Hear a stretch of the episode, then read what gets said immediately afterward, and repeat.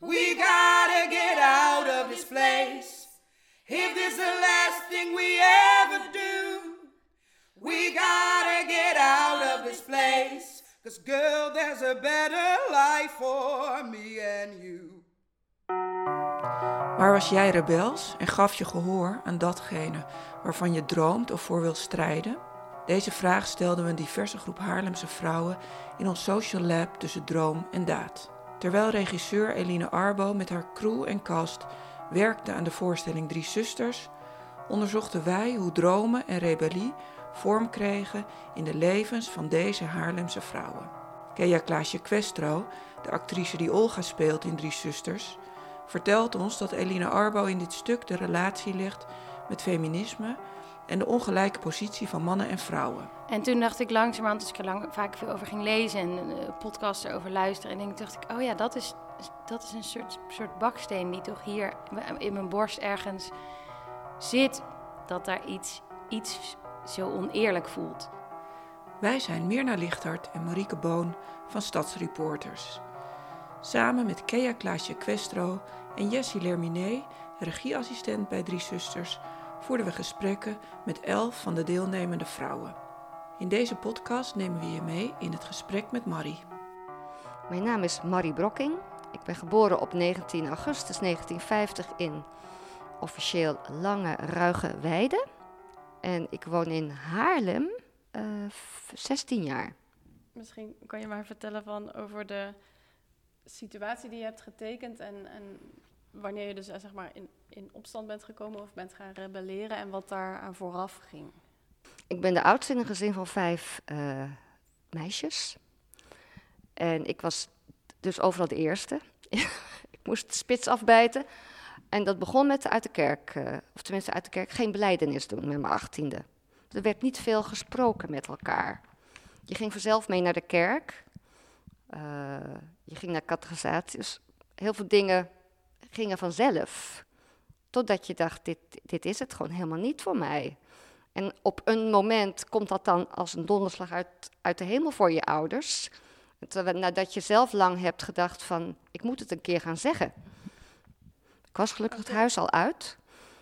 Maar goed, het was natuurlijk toch wel ingewikkeld. En toen ging ik op een gegeven moment Sartre. Zag mijn ouders, was ik een keer een weekend thuis, zat ik Sartre te lezen. En mijn vader keek er zo eens in en die vond het maar niks. Op zich waren zeker mijn vader was wel zeg maar van de progressieve, zoekende kant van het protestantisme. Maar ik maakte natuurlijk te grote stappen voor hem. Ja. Want jij bent dus protestants opgevoed ja. en eigenlijk op je achttiende werd verwacht van dat je beleidenis ja. moest doen. En toen zei je nee. Precies. Heb je dat getekend? Nee hoor, oh. maar dat is wel het begin van de rebellie. Ja, want en, een, durf, uh, durfproces, hè, want uh, het is heel eng. Ja. ja. Om dat in zo'n gemeenschap te zeggen, ja. Je, je, gaat, je druist tegen alle verwachtingen in natuurlijk. En een, een, mens, een kind, wil graag aan verwachtingen van zijn ouders voldoen. Dus ja, het is een stap die je zet. En toch deed je dat? Ja, ik kon niet anders. Vertel en, ik, nou, ik kan soms, soms niet anders dat, dat, dat, is wel in die tekening. Emancipatie is wel een rode draad in mijn leven. Ik weet nog dat ik uh, op kamers woonde. En ik heb de eerste opzij, staat ook opzij bij, de eerste opzij heb ik gekocht. Geen idee waar dat idee vandaan komt dat ik opzij moest gaan kopen. Maar ik heb ze nog bewaard. Die eerste twee of drie heb ik. en ik weet ook dat ik toen tegen mijn huidige man toen verkering, hij woonde nog thuis, ik al op kamers, dat ik zei, nou, ik, ik wil eigenlijk wel dat jij eerst op jezelf woont en dan pas samenwonen. Zo van, dat jij ook voor jezelf, met de gedachte van, dan kun jij ook, dan leer je voor jezelf te zorgen. Dat ik niet automatisch in die rol van moeder rol, daar had ik helemaal geen zin in. Dus dat was ook iets rebels om te zeggen? Ik denk het wel. nu ik hier zo zit, komt dat allemaal naar boven. op die vraag. ja. Ja, en zo is het balletje gewoon rustig aan gaan rollen. Ja, en, en want je zegt, ik kon niet anders. Maar wat, wat gebeurde dan? Was er dan iets in jou wat zeker wist, zo wil ik het? Ja. Of zo wil ik het niet? Ja. Waar, waar haalde je dat vandaan? Weet ik niet. Je, je tikt op je buik? Ja, buik, hart. combinatie, ja. Ja. Kijk, al mijn beroepen die ik in mijn leven heb gedaan, heb ik ook allemaal intuïtief gekozen. En de laatste was de uitvaart. En ik weet dat mijn man dat helemaal niet fijn vond. Hij heeft eh, problemen met de dood.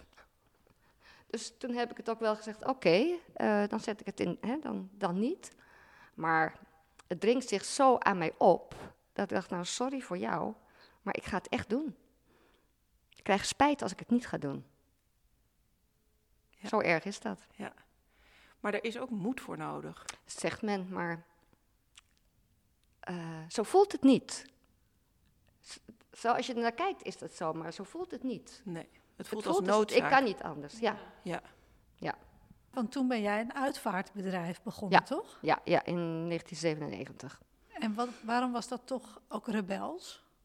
Nou, tegen de zin van mijn man in, hè? Ja. Die dat echt niet zag zitten. ja. En wat gebeurde er tussen jullie? Nou, wel een beetje verwijdering. Ja, en ik kwam niet met grote verhalen thuis. Een beetje de zakelijke kant wel, maar, maar het omgang met, eh, met, met families en zo wat minder. Ja. En jij hebt eh, wel eens eerder gezegd van de uitvaart gaat eigenlijk ook over emancipatie. Ja, zo keek ik tegenaan. Zo, dat gebeur is nu veel meer gemeengoed, maar toen was dat nog niet zo. In de jaren negentig kreeg je een beweging van de uitvaartvernieuwers.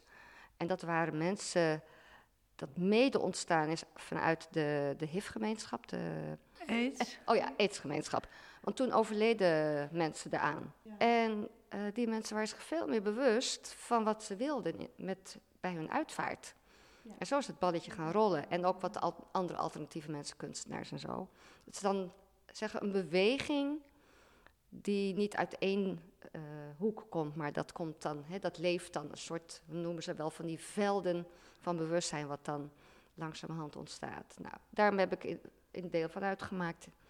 Daar werd ik ook door geïnspireerd, dat ik dacht, kijk, het kan anders. En ons, mijn motto was altijd, ik neem de zorg niet van u over, want dat was toen een reclameslogan, hè, wij nemen alle zorg van u over. Ik zei, nee, wij gaan naast u staan en zullen de zorg delen en zullen u ondersteunen en begeleiden in het hele proces.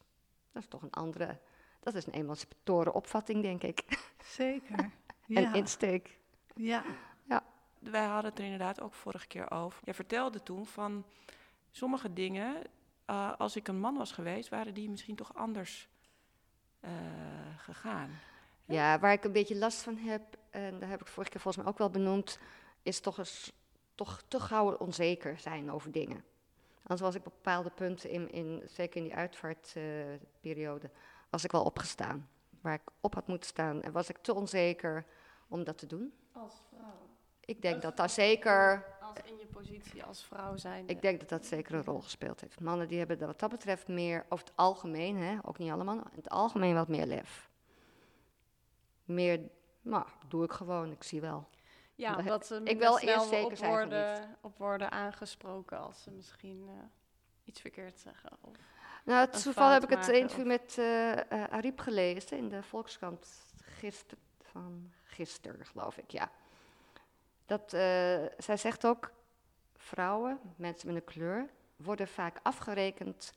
eh, die willen het heel goed doen, omdat ze anders afgerekend worden. En dat ze weten dat dan de hele groep afgerekend wordt en niet het individu. En dat is natuurlijk de normalisering die er is met mannen. Een man wordt op, als man afgerekend. Reken maar ja, niet dat... of als mens. Ja, als mens. En wij zijn geen mens. Misschien. Ja. In, dat opzicht. waar wij het nu wel veel over hebben Ja, ook. Ja, precies. dat zij al, van, al, vanzelfsprekend mens zijn. Een van de acteurs zei ook, ja, ik, ik heb tot vier, vijf jaar geleden me nooit in een hokje gevoeld. Dat ik gewoon inderdaad van zelfsprekendheid dat ik kan denken van, ik ben een mens en ik ben... Terwijl voor veel vrouwen is het helemaal niet vanzelfsprekend om te denken, ik ben een mens, maar ik, ik ben dus een vrouw. Want dat houdt toch wel bepaalde... Ja, Beperkingen. dingen- beperkingen in. En In ook- jezelf, maatschappelijk, maar ook in jezelf. ja. Want je internaliseert natuurlijk gewoon heel veel. Ja, en dat je als je vaker meemaakt dat wat je ook doet, het nooit bijvoorbeeld helemaal goed is wat je doet. Of daar hebben we het ook wel veel over, dat je als vrouw eh, of als minderheid het ook sowieso sneller kritiek Ja. krijgt. Ja, en je, en, en je staat toch daar als soort vertegenwoordiger van een groep. Voor, ja. voor mensen met kleur geldt dat Ja, misschien nog wel iets sterker.